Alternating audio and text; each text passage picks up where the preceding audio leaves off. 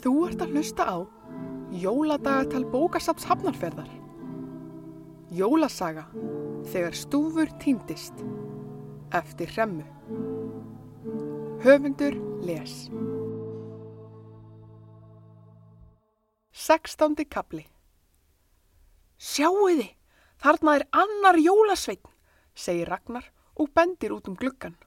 Stúfur snýr sér við og ljómar þegar hann sér bróður sinn.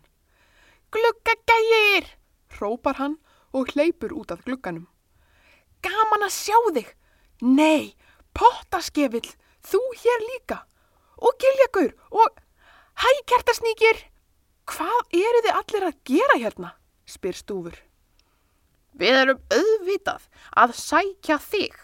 Við erum búin að leita að þér síðan í gær, segir kertasnýkir og brosir út af eirum. Þið verðið að koma inn og hitta nýju vini mína, segir stúfur og hleypur fram í anderi til að hleypa bræðurunum inn. Þetta eru Ragnar, Róbert, Rakel, Signý og Freyja. Þau eru búin að hugsa vel um mig í dag, segir stúfur. Tröllabræðurnir hilsa fjölskyldunni og kynna sjálfan sig. Börnin eru orðlaus því þau hafa aldrei síð svona marga jólasveina á einum degi. Rakel finnur loks orðin sín og stingur upp á því að þau haldi jólaball inn í stofu. Jólasveinarnir samþykja það, þurka snjóun af stíðvilunum og koma inn í stofu.